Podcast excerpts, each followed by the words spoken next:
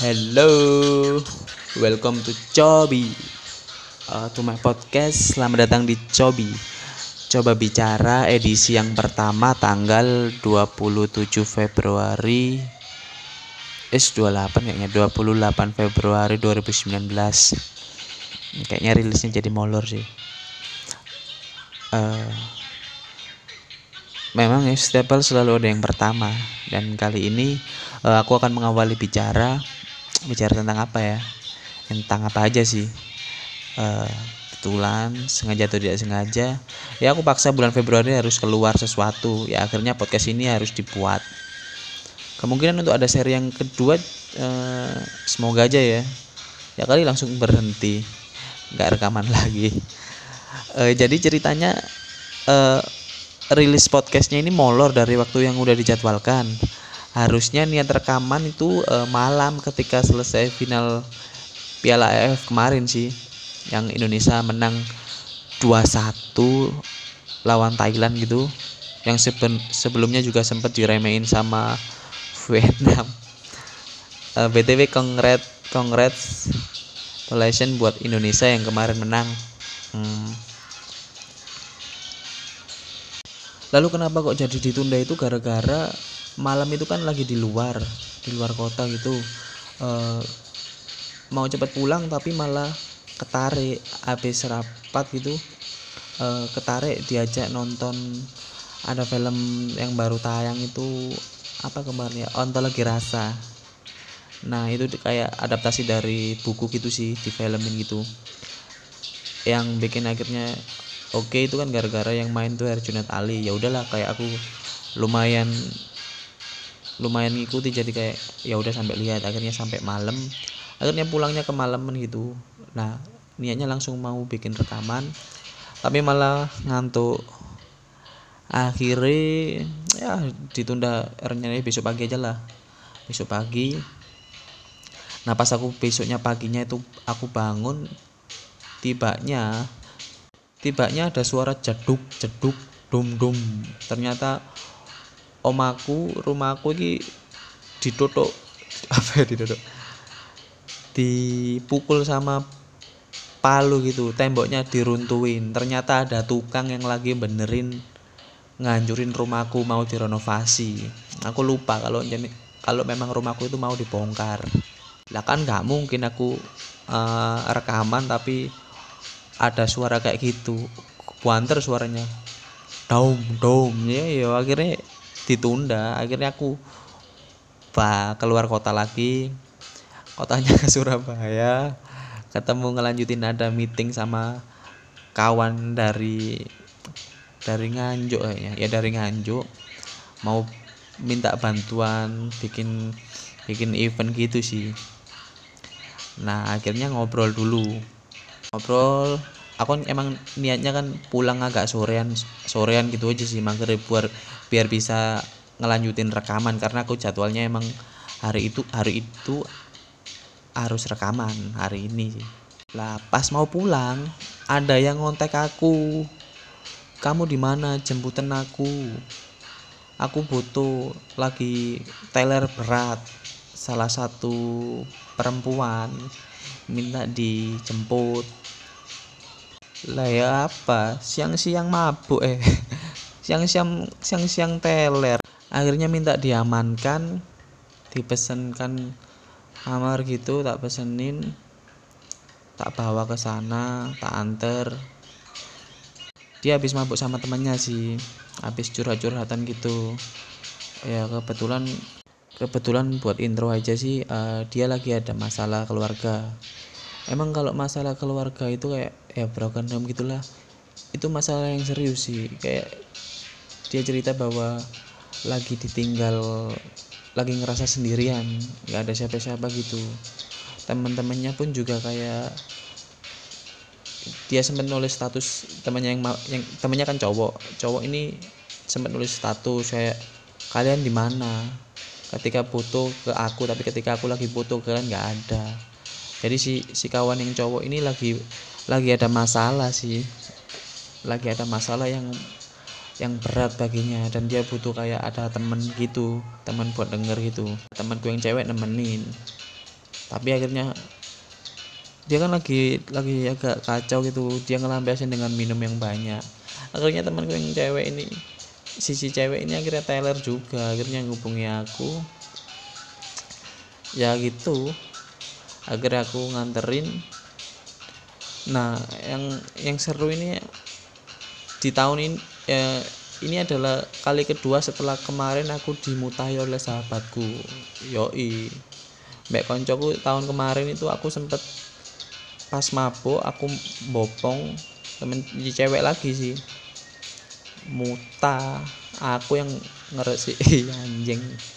Aku yang bersihin. Uh, ini kali ke kali yang selanjutnya pas yang terakhir itu kena mutan lagi aku wancok oh no, I, udah udah udah di jalan itu sempet oleng. Akhirnya aku nggak bisa ninggalin kan sampai dia siuman. Nah siumannya malam. Akhirnya pulangku pulang malam. Nah, akhirnya sampai rumah sekarang. Ini jam lebih dari jam 12 jadi kayak uploadnya pun juga jangankan upload rekamannya aja udah agak telat uh, jadi langsung aja uh, sebenarnya aku mendengarkan podcast itu sudah dari 4 sampai 5 tahun yang lalu dan tertarik untuk mengikuti serta membuat. Namun apa daya ya? Ya gitu itu mek dengerin suka beberapa yang aku ikut. Awalnya itu kalau nggak salah itu lagi ada interviewnya Soleh Solih Soleh Solihun uh, di channelnya podcast awal minggu punya Adriano. Dari situ aku akhirnya kayak oh ini ada ruang media audio yang menarik nih ada channel yang menarik nih yang bahas-bahas macem-macem sih. Bahasnya ngomong kosong sih cuma kayak aku suka yang ngomong kosongnya mereka. Akhirnya di situ aku mulai dengerin podcast dan selang bertahun-tahun ini sebenarnya udah punya rencana cuma nggak pernah kejadian. Akhirnya Februari tahun ini sudah hampir habis dan kayaknya ini waktu yang tepat sih kayaknya untuk aku do something gitu sih. Ke kali ini karena juga baru pertama kali mungkin kita stop aja ngomong yang ringan-ringan. Semoga tidak terlalu ngomong kosong. Uh, buat podcast untuk apa ya ya sebenarnya untuk mem untuk buang waktu aja sih. Uh, kayak aku kan nggak punya temen pengen ngobrol ngobrol sama diri sendiri akhirnya aku. Ya coba untuk ngewadai aku apa pengen nge ngeutarain sesuatu biar ada mediumnya gitu loh. Kalau di truk-truk kan pantura kan ada kayak tulisan prasasti cinta. Lagi aku kayak prasasti audio. Sebenarnya nanti juga aku pengen kayak ngobrol sama kawan-kawan beberapa kawan-kawan gitu yang udah kayak aku bukan aku pilih sih yang aku kenal aja sih. Kayak, kayak ngobrol cari insight lain dari kawan-kawan yang menurutku mereka ini punya kalau bahasa internetnya itu mewakili suara milenial bukan milenial sih ya head milenial uh, suara intinya suara mereka ini lebih besar lebih lebih didengerin karena famenya lebih gede atau karena menurutku asik sih ngobrol sama beberapa kawan yang yang ku kenal gitu. Nah ada ada ada kayak mungkin aku kayak nanti ngasih format kalian bisa kirim pertanyaan atau ngobrol langsung sama aku bisa melalui komen-komen yang nanti tertera atau juga langsung kirim email aja sih. Ya kita ngobrol yang saru-saru. Oke. Okay. btw kalau mau rilis podcast kapan aja sih? Yop yop apa ya aku nggak tahu bakal kapan aja bisa rilis tapi kalau ada hal yang bisa dibicarain mungkin bisa dirilis. Akan coba bicara. Coba ngomong coba mendengai Anyway, di Copi Bicara kali ini bertepatan dengan genjarnya genjar-genjarnya Pilpres. Nah, kita tahu kan sudah uh, dua kali debat berlangsung yang bulan Februari, yang kedua kemarin sama yang bulan pertama Januari. Nah, di debat yang pertama kan apa ya temanya kayak politik hukum keamanan dan ham nah debat yang pertama ini rada agak agak gak, gak masuk akal kalau menurutku garing banget. Ah, mungkin karena formatnya salah atau apa kayak kayak nggak atraktif gitu.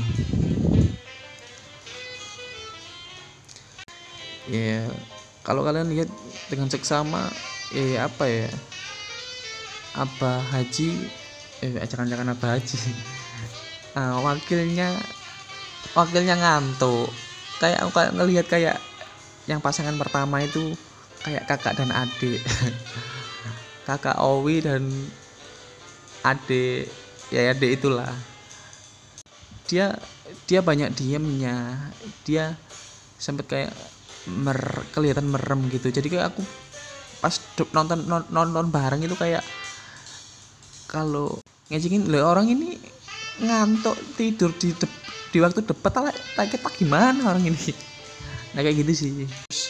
Tetap yang nomor dua yang Pak Pak Owonya itu Pak Prabowo itu ganteng ya apa ya?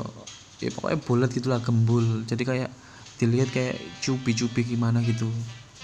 Kofi cuma memang yang debat pertama itu punyanya Sandi sih kayak debat pertama itu apa-apa dari pasangan yang nomor dua itu dibawa ke arah ekonomi. Padahal kan konteksnya kan politik hukum ham keamanan dan itu kayak larinya pertanyaannya jawabannya tentang selalu tentang ekonomi ekonomi.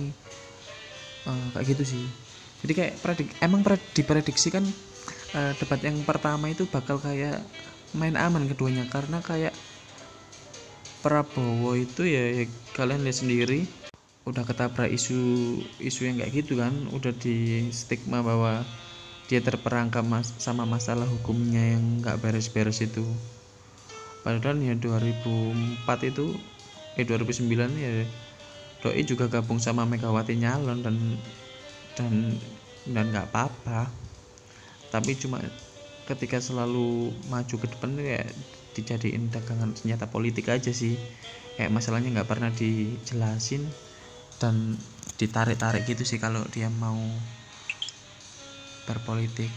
Sedangkan dari kubu Jokowi sendiri ya Jokowi banyak PR masalah HAM yang dijanjiin tapi nggak pernah diselesaikan di nawacitanya dia mau menyelesaikan masalah pelanggaran HAM malah dijawab dengan seksi dengan ada jenderal-jenderal yang terlibat yang diduga terlibat itu malah jadi ada di belakang Jokowi kayak Bapak Yanto eh Wiranto itu diem-diem ngeri loh. Coba liatin fotonya Wiranto 5 detik nggak pakai kedip. Dikedipin balik. Nah di situ kan nah di situ kan akhirnya kayak dua-duanya main aman kayak muja-muji nggak jelas gitu kayak ya nggak berani nyerang yang Joko yang Prabowo main aman di di masalah ekonomi sedangkan yang Jokowi kebanyakan ngomong Pak Maruf Amin malah ya saya setuju dengan Pak Jokowi lah. Lah kan ya apa ya? Orang kan pengen tahu kayak pendapatmu. Ya kalau ingin kok kayak bingung aku kayak lihat yang debat pertama itu. Tapi memang diprediksi kayak aku sendiri kayak ngiranya nggak bakal ada kayak attack-attack yang terlalu menjorok gitu sih karena keduanya kayak punya beban beban PR yang problematis gitu. Jadi kayak saling memuji gak jelas gitu. Ya penonton kecewa. Banyak kritiknya juga kan dari orang-orang. Akhirnya di di debat yang kedua. Apa yang debat kedua itu? Ada energi temanya kayak energi pangan infrastruktur SDA sama lingkungan hidup. Nah itu kan eh, sejak era Orde Baru sampai sekarang pembangunan infrastruktur itu masih banyak mengandalkan inisiatif pemerintah sama swasta gitu sih. Tapi masih kurang memperhatikan peran serta kebutuhan masyarakat. Katanya ditandai dengan banyak konflik agraria ya kayak ada penggusuran perampasan tanah terus hilangnya mata pencarian dan kearifan lokal gitu. Nah kalau uh, untuk yang pertama sesi pertama itu aku ingatnya itu Prabowo ngomong bahwa utang itu banyak berdampak pada efisiensi pembangunan infrastruktur. Menurut Prabowo itu berdampak banget sih kalau utang banyak. Terus masalah ganti rugi tanah yang dirampas tanpa ada penyaluran dan pengalian mata pencarian. Uh, Pak Prabowo ini mengklaim bahwa mereka punya strategi pendekatan rakyat yang orientasinya untuk rakyat. Nah, untuk pendapat Prabowo di sesi yang pertama itu dia kayak mahasiswa banget sih, kayak uh, kayak anak mahasiswa yang semester pertama yang baru ikut orma gitu loh, yang ngomong masalah reforma agraria gitu sih. Terus kalau dari pendapat Jokowi itu uh, dia counter bahwa dia jelasin bahwa pembangunan ada 190 ribu kilometer itu untuk rakyat yang sering nggak dilihat orang. Menanggapi pertanyaan yang Pak Prabowo dia juga bilang ganti rugi dalam empat setengah tahun hampir tidak. Nah ini, ini, ini. Yang yang jadi seru itu pas Jokowi bilang bahwa ganti rugi dalam empat setengah tahun hampir tidak terjadi konflik pembebasan lahan untuk infrastruktur. Itu yang di, diulang berkali-kali. Tidak terjadi konflik pembebasan lahan tidak terjadi konflik pembebasan lahan. Nah itu yang akhirnya viral kan? Karena apa? Katanya beliau karena karena tidak ada ganti rugi yang ada ganti untung. Biaya pembahasan biaya pembebasan lahan itu kosnya kecil 2 sampai 3 persen. Nah, Jokowi memerintahkan ditingkatkan sampai 4 sampai 5 persen. Ya, Jokowi ini belum tahu, nggak pernah ke bawah atau gimana ya. Padahal anjing konflik agraria itu semena-mena di mana-mana dan ya banyak loh sebenarnya kayak di Kulon Pro Progo terus di Banyuwangi itu kulon apa ya kulon Progo kalau ya Progo ya kalau nggak salah. Terus di Banyuwangi terus di di Bali. Banyak sebenarnya masalah-masalah. Kalau kalau kalau kalian mau lihat di YouTube atau di Instagram gitu masalah habis debat ini kan banyak banyak video yang viral gitu kan yang kayak yang kayak nunjukin video omongan Jokowi ini nyimpang nggak sesuai dengan kenyataan. Dia bilang tidak ada tidak ada padahal di mana mana sampai sampai nangis sampai ada yang dikendang itu kan juga sampai nyemen dan sebagainya. Itu masalah-masalah agraria juga pembebasan pembebasan lahan. Terus kalau dicek ya kayak pembangunan yang kan yang jadi viral lagi kan yang dicek 190 ribu kilometer untuk rakyat itu kalau menurut data Oktober 2018 itu sampai Oktober 2015 itu dia cuma bangun 158 ribuan kilometer. Terus ini kan yang jadi yang jadi bahasan kan akhirnya kan kayak lah ini kan lebih diameter bumi 190 ribu kilometer ini. Tapi kalau di, di, dipikir-pikir ya kan emang jalan jalan ini kan nggak nggak lurus tapi kan berkelok-kelok. Sedangkan kalau untuk datanya sendiri kan pak uh, panjang keseluruhan jalan di Indonesia itu ada 50 523 ribuan lah kilometer per kilometer. Jadi kayak ya klaimnya kelompok yang satunya itu kayak bilang lah ini gak, gak bisa ngitung atau gimana? Kayak empat kali Jokowi ngebangun empat kali bumi empat kali diameter bumi padahal ya ya emang panjangnya tol itu kan enggak eh panjangnya tol panjangnya jalan yang dibangun itu kan muter berkeliu-keliu nggak langsung nembus gitu nggak lurus kencang kayak otong gitu. Terus sesi selanjutnya eh, bilang Prabowo masalah pangan ya energi pangan Doi bilang di era revolusi industri 4.0 petani kita itu masih belum terjangkau dan belum terjamin pangan tanpa impor. Kayaknya poinnya di situ sih. Terus di jawab Pak Jokowi Pak Prabowo ini kurang optimis harusnya menyongsong dengan optimis. Uh, produk petani itu udah masuk marketplace. Itu kan pas bahas teknologi juga sih kayaknya. Bahas pangan tapi kayak dikaitkan dengan gimana masalah pangan hari ini itu. Terus pada masuk yang ketiga atau keempat gitu debatnya bahas. Debat yang kedua ya bahas sawit. Nah ini lahan infonya kan lahan perkebunan telah mencapai 14 juta hektar sawit itu. Namun sistem dan pengelolaan itu kayak masih banyak menimbulkan masalah sosial dan lingkungan.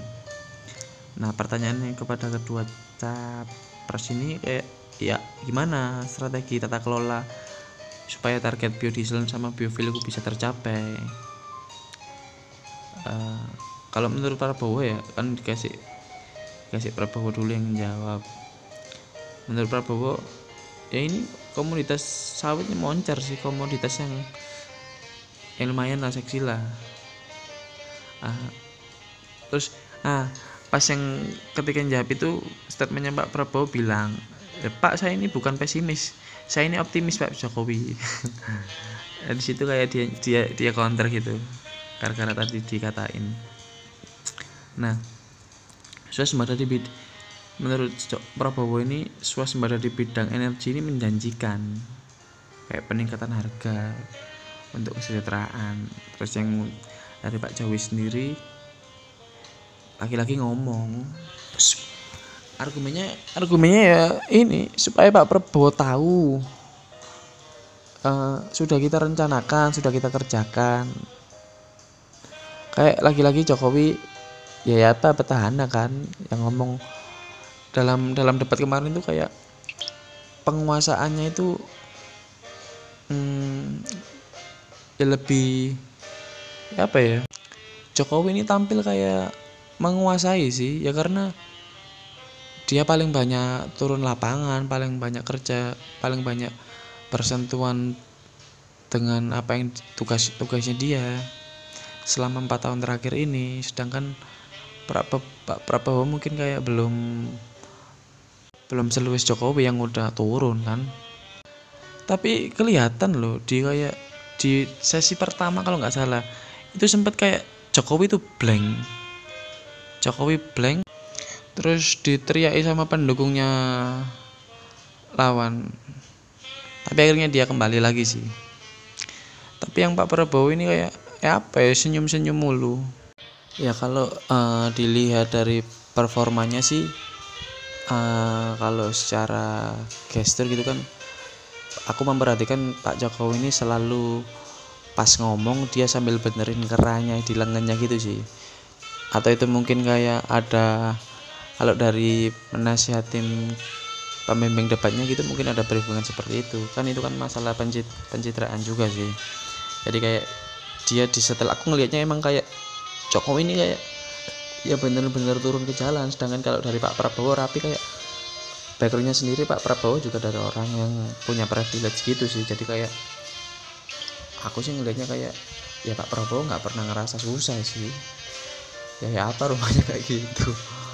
Anjing. Sesusah susahnya loh. Tahu kalau kalau misalnya sama anak kompleks itu lu tahu apa? Kan kamu ngerti apa sih sama penderitaan orang-orang yang kelaparan gitu. Lu nggak pernah kelaparan. Ya lu ngomong masalah kelaparan itu kayak ya lu di, lu, lu sendiri nggak pernah ngerasa lapar. Kan gitu. Pak pra, tapi para Prabowo Pak Prabowo ini kan asiknya kan cok uh, wajahnya itu kayak daripada Jokowi loh kudu uh, nek bahasa jari arek Surabaya mentolon jotos anjing. Sawangane sawangane diharapkan gitu tapi ya hasilnya ya nggak sesuai ekspektasi. Janji ini ya yang meluap begitu aja. Tapi nek Prabowo kan dia kan penyayang binatang penyayang kuda nggak punya istri. Terus kalau gitu gimana? Sama kuda yang nggak lagi sorry sorry sorry kena ITE mati ya uh, dia juga mengingu harimau. Eh enggak sih kucing. Kucing tapi harimau seperti mirip kucing. Namanya bonita siapa gitu. Nah eh apa? Gembul gembul melihara kucing. Kurang gembul apa ya Pak Pro, Pak Jokowi Pak Jokowi apa ya bahasanya melihara kodok. Gak gak boys kambing seksi good. Ha? Oke oke balik balik balik nang debat. Tadi bahas debat bisa sampai bahas gitu ya? Tapi yang jengkel ini Pak Prabowo malah bilang pas habis dari sawit tadi kan sempet uh, respon Pak Prabowo itu bilang apresiasi saya jawabannya apa ya? Malah saya saya akui kalau baik kalau ada kekurangan kita koreksi. Dari khusus yang sehat saya juga mendukung strategi yang baik. Lah kayak kalian ini capres debat harusnya kan kayak saling menyerang. Pak Prabowo kalau nggak Nek Jokowi apa ya lapo nyalon ngapain nyalon? Ya nggak usah. Yo harus jenenge penantang yo serang habisi semuanya. Yang yang jelek ya keluarin semua serang. Jokowi kan tinggal bertahan doang. Kalau nggak diserang ya ya ngapain nyalon? Malah puji memuji. Jokowi akhirnya jawabnya juga ketika apa uh, apa ya pas moderator bilang gimana Pak? Jokowi masih ada waktu buat menjawab. Ya saya dijawab oh saya setuju sama Pak Prabowo. Lah, lah kan gitu model Jokowi. Nah ya apa sih? Kayak kita itu mengharapkan pertarungan yang belar ya pertarungan yang belar di debat aja sih. Kayak kami kami ini kan resah kayak model debat juga kayak gini. Kalau aku ngelihat kayak dibatasi kayak silakan Pak Prabowo jawab. Silakan Pak Jokowi jawab sedangkan kan misalnya gini aja deh pas Pak Prabowo jawab itu kan waktu terhitung sejak anda mulai berbicara lah kayaknya mereka ini orang kedua orang tua ini kayak nggak nggak jago debat sih. Mikir dulu nggak nggak nggak bisa langsung menguasai persoalan gitu loh. Akhirnya kayak basa-basi dulu. Waktunya habis kayak ya Jokowi dibuat assalamualaikum terima kasih dan sebagainya itu udah tiga 30 detik. Terus poinnya cuma 30 detik nggak maksimal. Terus kayak Pak Prabowo ketika men menjelaskan poinnya keburu habis. Karena pertama kan katakanlah 20 menit 30 menit 10 detik 20 detik pertama itu masih nggak lancar. Lah lancarnya itu di, malah detik-detik terakhir. Akhirnya pas udah panas moderator nyela udah habis udah habis. Lah nggak teli kan. Ya kan gimana? Akhirnya kayak disela kayak ya apa sih? Kita kan pengen ber, kita kan berharapnya kan pengen debat ini keluar argumen-argumen atau pandangan-pandangan dari kedua capres kan. Tapi kalau terbatas masalah waktu gitu kan kayak lucu gitu loh. Pun kalau ketika waktunya masih ada masih ada. Tinggal sisa 30 detik 20 detik. Masih ada Pak Prabowo masih ada Pak Jokowi. Barangkali menambahkan ya cukup. Tapi ketika ngomongnya masih banyak yang diomongnya ngomongnya masih banyak yang ingin disampaikan diutarakan malah di stop. Udah habis udah habis Pak Prabowo kalau aku jadi Pak Prabowo yang paling jawabnya anjing cok aku jadi kata ngomong. Anjing cok aku masih mau ngomong kayak gitu kan. Terus akhirnya pas sesi tiga itu bahas lingkungan akar masalah pencemaran lingkungan. Lagi-lagi Pak Prabowo apa bilangnya mesti gini kan apabila saya diberi apabila saya diberi mandat oleh rakyat perusahaan. Mesti kan bilangnya gitu apabila saya diberi mandat oleh rakyat kayak kan bapak ini kan udah berkali-kali coba nggak pernah diberi mandat. Apa nggak pernah kepikiran gitu? Sebenarnya pak rakyat nggak pernah ngasih mandat. Nggak pernah ngasih mandat. Tapi yes apresiasi lah buat Pak Prabowo yang meramaikan kita. Semangat. Nah terus Pak Prabowo kan bilang perusahaan besar itu kan banyak meninggalkan limbah kalau menurut Pak Prabowo di pers di persoalan lingkungan ini kan dia bilang perusahaan besar ini meninggalkan limbah tidak mau bayar pajak. Yang sebenarnya buat urus limbah terus limbah terus mereka mereka ini juga sering kong kali kong paku lipat dengan eh, dengan pejabat untuk lolos dari kewajiban terus Pak Prabowo di sisi ketiga ini menyerang. Menyerangnya gini kayak dia bilang dia berpendapat bahwa menteri kehutanan itu harusnya dipisah sama menteri lingkungan. Nggak jadi satu. Yang jadi masalah kan seperti itu. Gak ada jalan pintas dia juga bilang kalau dia terpilih gitu diberi mandat gitu tidak ada jalan pintas buat amdal.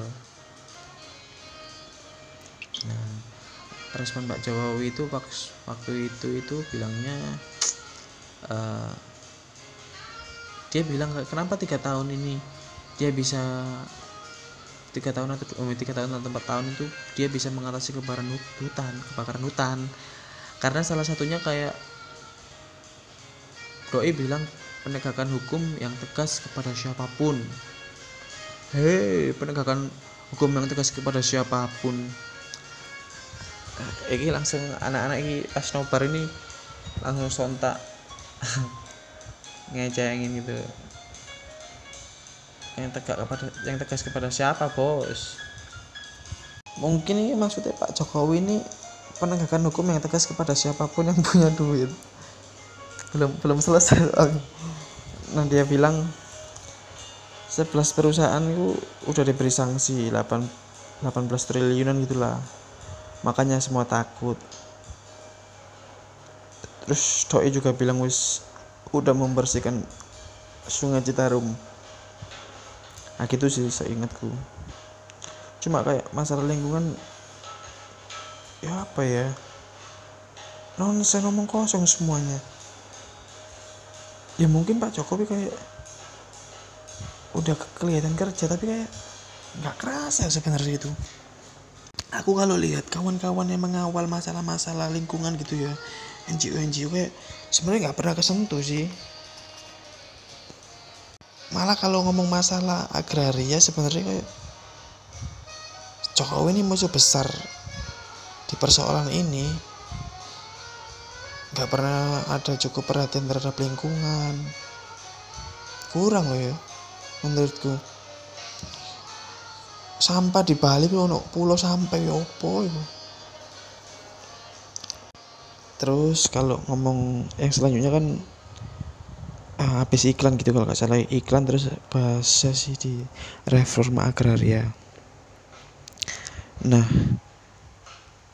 pas waktunya Jokowi ngomong itu Jokowi ngomong dalam dua tahun itu telah membagikan konsesi hak ulayat petani, nelayan, sama masyarakat adat.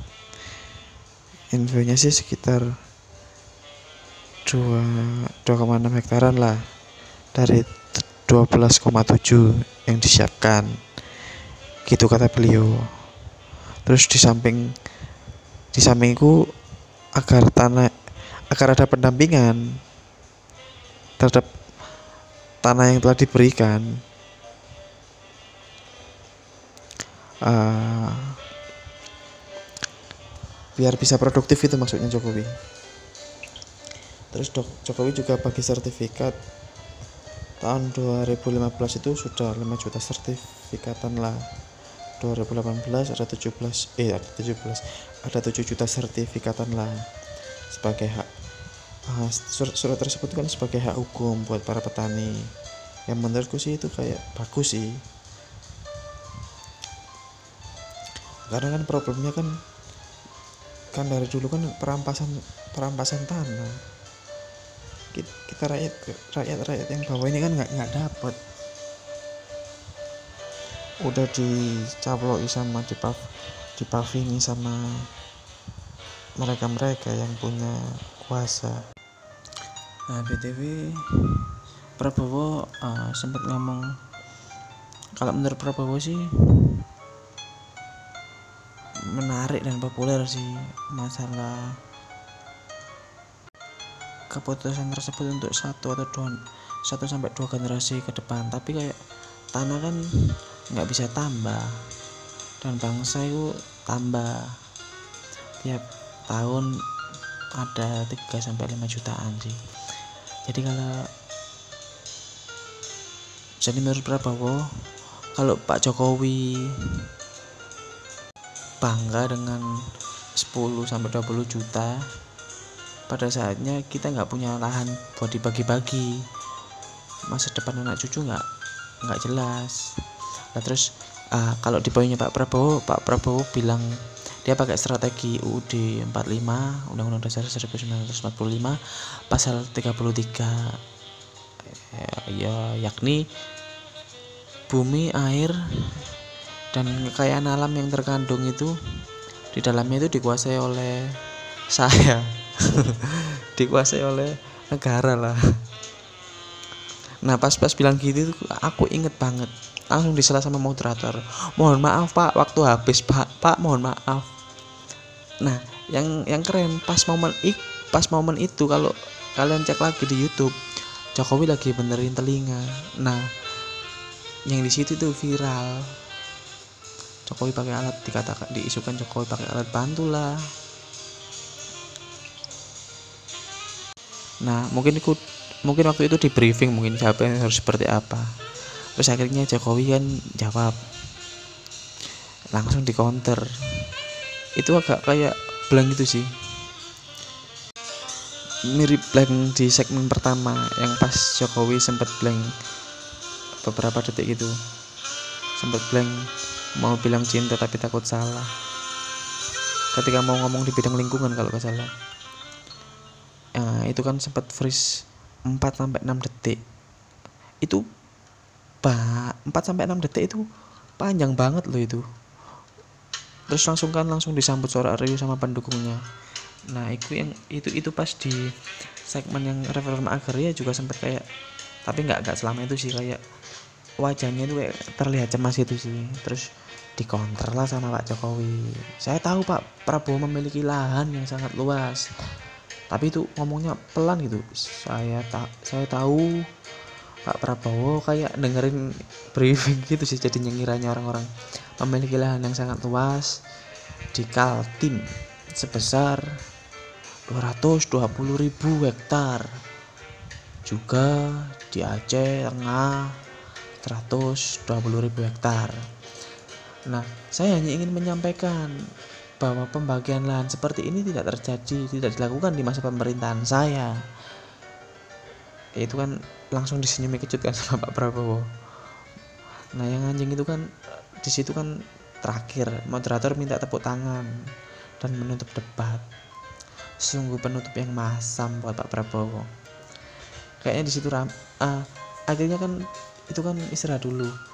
Aku kan juga lihat kayak sempat di Twitter kan juga ngikuti sempat sebenarnya pas debat kedua itu sempat rame sih pada di, di luar pas live gitu maksudnya di luar tayangan gitu sih. Jadi ada keributan sih. Jadi mungkin kayaknya ramenya pas di situ nih karena di situ kan Jokowi kan kayak uh, pendapatnya kan dianggap nyerang nyerang personal akhirnya jatuhnya. Lah pertanyaannya apa?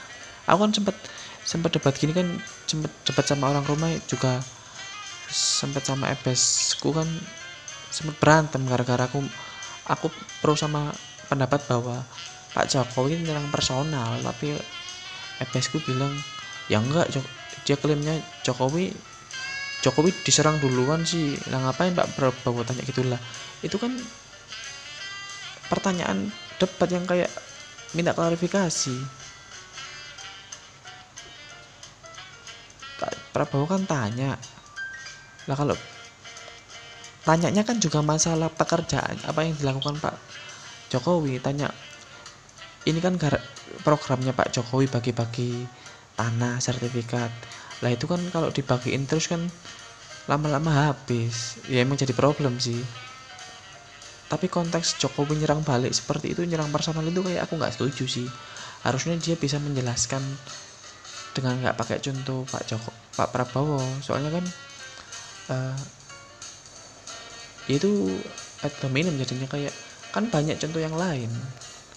Tapi kayak sengaja yang jadi seru kan di situ langsung di counter direct gitu. Padahal kalau di, dicek lagi kan di belakangnya Pak Jokowi kan juga banyak orang-orang yang kelompok kelompoknya yang punya tanah luas gitu. Malah Pak Luhut itu bos kita Luhut kata Wali dituduh perusahaan Luhut merebut lahan petani di Kalimantan Timur. Ada berita seperti itu kan? Belum lagi yang lain-lain. Apalagi tim ketua pemenangannya itu kan siapa?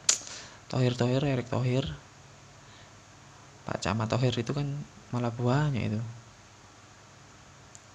Uh, jadi di situ sih agak agak kecewa sih. Ya sangat disayangkan if they attack you personally it means they have not a single political argument gitu sih. Kayak menyerang pribadi setelah tidak ada lagi argumen gitu. Setelah nggak ada argumen lagi yang bisa disampaikan itu kayak ya anda udah kalah debat sebelum debat selesai. Maksudku nyerang menurutku sih kayak ada Pak, Pak Jokowi seharusnya bisa nyerang yang lain toh kalau di compare uh, tuan tanah di masing-masing kelompok kan uh, Surya Paloh punya 14 ribuan hektar di Aceh tambang lahan kan. Haritano juga 62 62 ribuan hektar 63an lah hektar. Pak Luhut ini 15 ribuan. Ada ini Pak PDI yang lahan tambang di Banyuwangi. Wahyu Sakti Trenggono bos. Nah itu kau apa? Omnya kawan-kawanku itu juga ada 11 ribuan lah. Pak Osman juga lumayan banyak. 31 ribu hektaran. Di Karimun Pak, Pak Usman itu sebenarnya lumayan kaya loh. Terus kalau dari Hanura sendiri ya lumayan ada ada Saleh Husin politisi Hanura ada 81 ribu hektar di Kalimantan Timur. Terus ada Ferry Ferry Mursyadin sama Hanifah Hussein 5000 hektar ditambang di Berau tapi di pihaknya Pak Prabowo ini juga ada argumen yang anjing sih kayak ah pembelanya gini mereka punya lahan besar tapi mereka nggak mencalonkan diri jadi kepala negara sambil berpidato membela rakyat miskin. Ini kan ya apa sih kayak kalau kalian mau tahu yang paling ngeri itu punyanya ini dua bersaudara Tohir Garibaldi Tohir sama Erik Tohir itu kekayaannya gila. Semua diangkat dua dia diangkat tiga. Semua kan biasanya paling banyak 81 ribu. Surya Paloh cuma 14 ribu Luhut cuma 15 ribu. Nah ini Pak Erick Thohir sama saudaranya ini hampir 500 ribu loh hektar. Lahan tambangnya di Kaltim. Kalteng. Sulsel ya Allah. Cuma kan akhirnya kayak Pak Prabowo bilang uh, dia mau ngembaliin. Itu kan masih punya punya negara gitu. Kalau kalau mau dibalikin kalau mau perlu buat dibutuhkan negara dikembaliin juga bisa diserahin lagi tapi saya nggak mau. Daripada saya kembaliin tapi dikelola asing mending saya kelola sendiri. Saya kan patriotis nasionalis. Tapi kayak iya sih dari hmm, ah, bukan bukan bukan gitu sih maksudku kayak iyanya itu uh, dikelola Pak Prabowo itu dikelola orang Indonesia nya sih. Tapi kalau dikelola Indonesia tapi cuma kepemilikan satu orang ya itu menumpuk kekayaan jadinya ya nggak setuju karena ya yang menikmati kan lu aja pak. Uh, poinnya sih Pak Prabowo itu pemberani. Ya berani sih atas dari debat yang disaksikan itu kayak lebih berani atas kebergemingan pem, kebergemingan pemerintah terhadap para pelanggar yang jelas-jelas mengindahkan pemerintah. Di sini tampak sedikit lebih paham lapangan sih Pak Prabowo.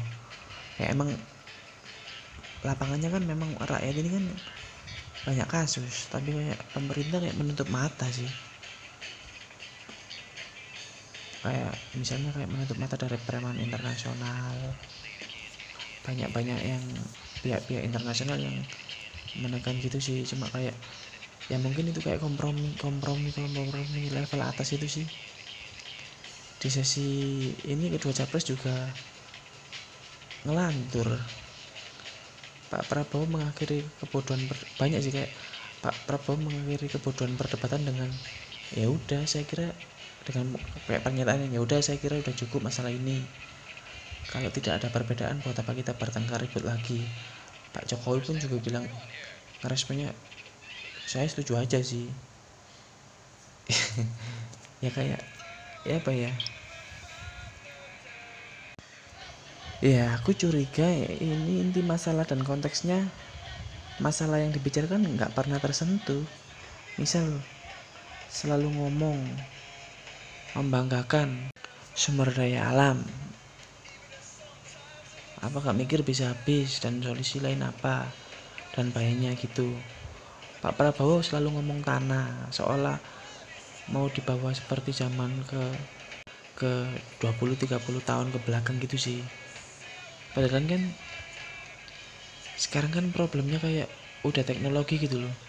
Harusnya nggak nggak selalu ngomong tanah. Ya emang tanah itu penting tapi kayak kayak untuk generasi gue ya, ya apa ya ada yang apa gitu loh yang lebih visioner. Bahas teknologi kayak ya teknologi bisa dengan yang dengan yang akhirnya kembali ke masalah tanah sih. Kayak geografis gitu tetap dibahas tapi kayak ya ini ini kan yang didaur ulang kan masalah masalah politik dagangan politik. Jadi kayak ya mungkin strateginya mereka seperti itu sih. Aku juga melihat ini kayak mental-mental Jokowi arogan itu ada sih kayak udah berkuasa satu periode itu kayak muncul sesumbar gitu-gitu tampak sih. Dari kayak wajahnya ketika menjawab ketika perdebatan terjadi itu kayak ketika Pak Prabowo menyampaikan argumen argumennya Pak Jokowi itu kayak meringis ya atau apa ya bahasanya kayak nyengir kayak nggak respect gitu loh. Kayak iya ayo ayo ayo ayo gimana gimana gimana gimana kayak menyepelekan gitu. Tapi debat kedua ini ya belum belum muncul sih. Ya pasca debat juga kayak banyak orang-orang yang so, jadi juru kampanye. Para para juru kampanye juga kayak analisis serampangan pengamat anyaran semua kayak mendadak jadi pengamat. Kayak aku sendiri juga sok-sokan ngasih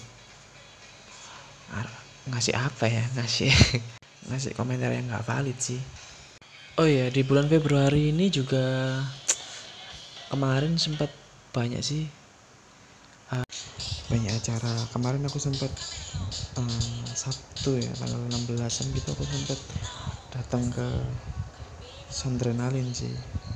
Ada acara kita 90-an temanya.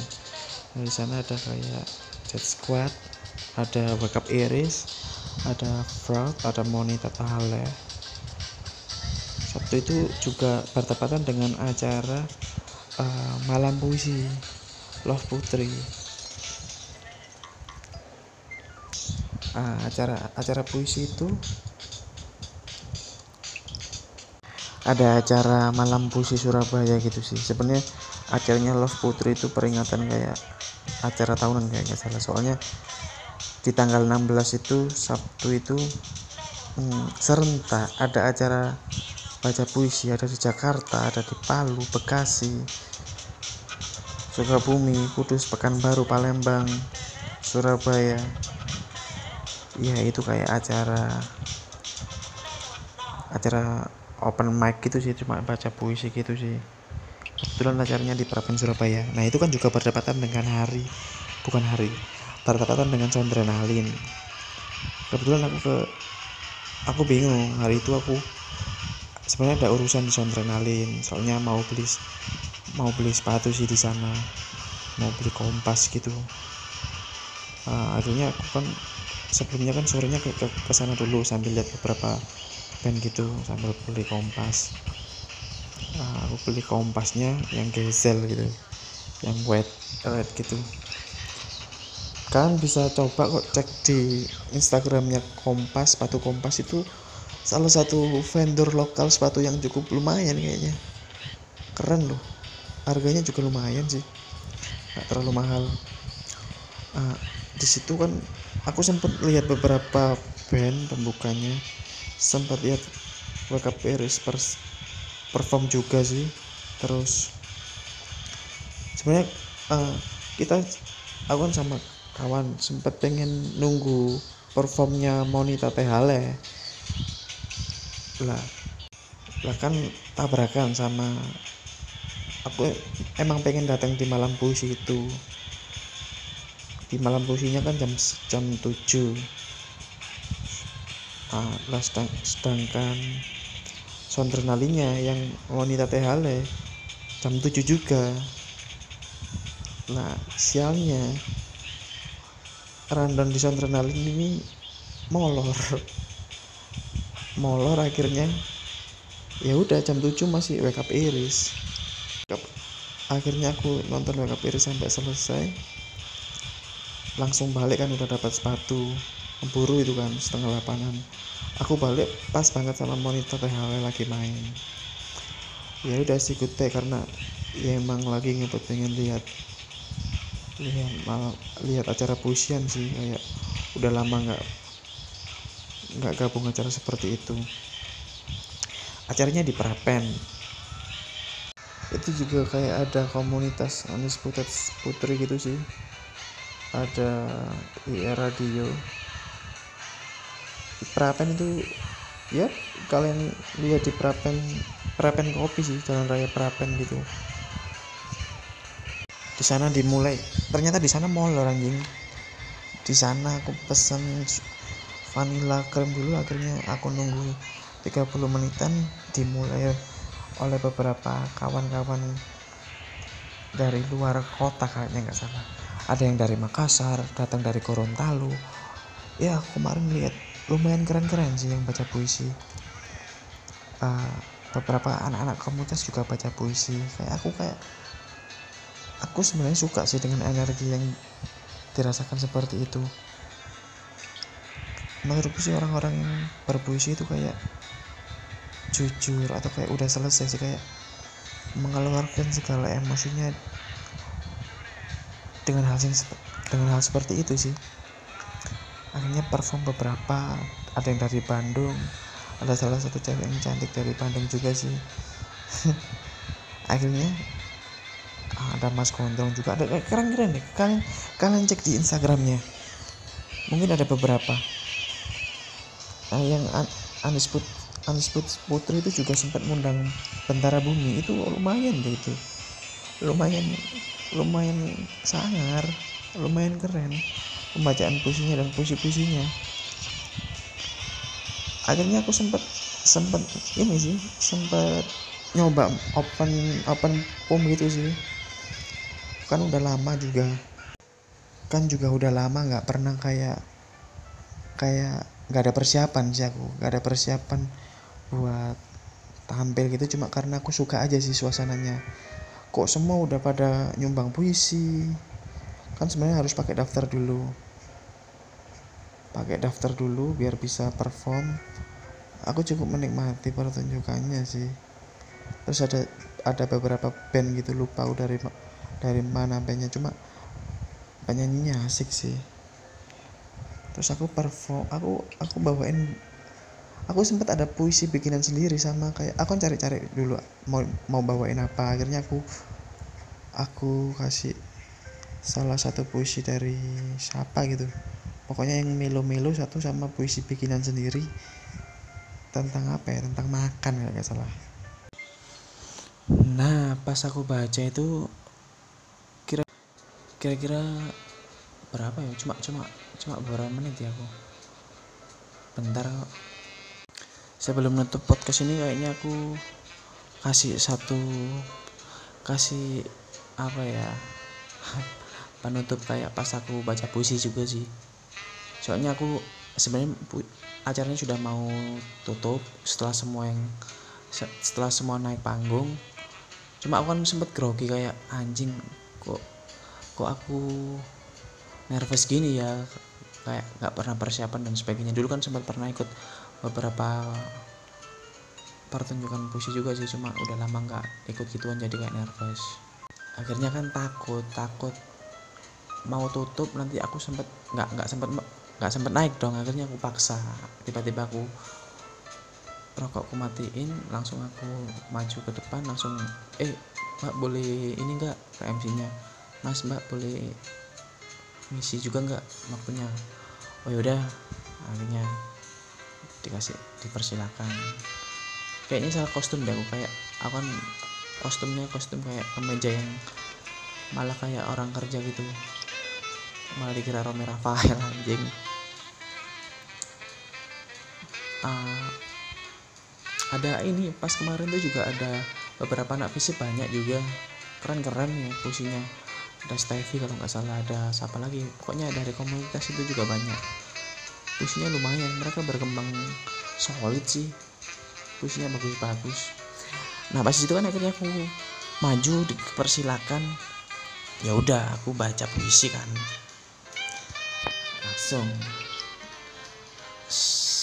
Aku langsung bilang Jay selamat malam pemirsa selamat malam manusia. Selamat datang di malam puisi Surabaya. Uh, saya perhatikan uh, di daerah kanan dan kiri tampaknya kawan-kawan cukup suasananya cukup mesra ya uh, tapi saya percaya masih ada yang resah dan gelisah untuk jiwa yang resah orang-orang kala. Tidurlah, tidurlah yang basah. Esok, perkelahian akan lebih sengit dan kejam. Kejamlah adalah setelah hujan ia kembali pulang. Tak ada lagu yang lebih syadu dari nyanyi rindu seseorang yang menunggu. Bukankah arah hanya persoalan pandangan, sedangkan kau telah menjadi sarang tempat segala terbang mencari pulang. Kamaludin. Uh, untuk kawan-kawan yang belum pesan minuman atau makan bisa ke sebelah kanan. Bagi yang sudah pesan, silakan menikmati makanan. By the way, uh, uh, aku cukup suka makan, tapi aku tidak hanya makan teman, aku juga makan hati, makan perasaan, kadang juga makan hak orang. Meskipun begitu, aku tidak pernah minum anggur. Selain haram, itu merugikan kesehatanku. Sewaktu-waktu aku kehabisan makanan. Lalu ada setan sedang berbaik hati. menawari aku kesempatan. Awalnya aku tidak tahu kalau cinta bisa dimakan. Aku memang suka makan. Bahkan saudaraku sudah habis aku telan. Kapan-kapan datanglah ke rumahku. Mari kita makan berdua. Tapi bila meja makan telah habis, tentu saja kau tidak akan pernah pulang. Makan. Nah, ya.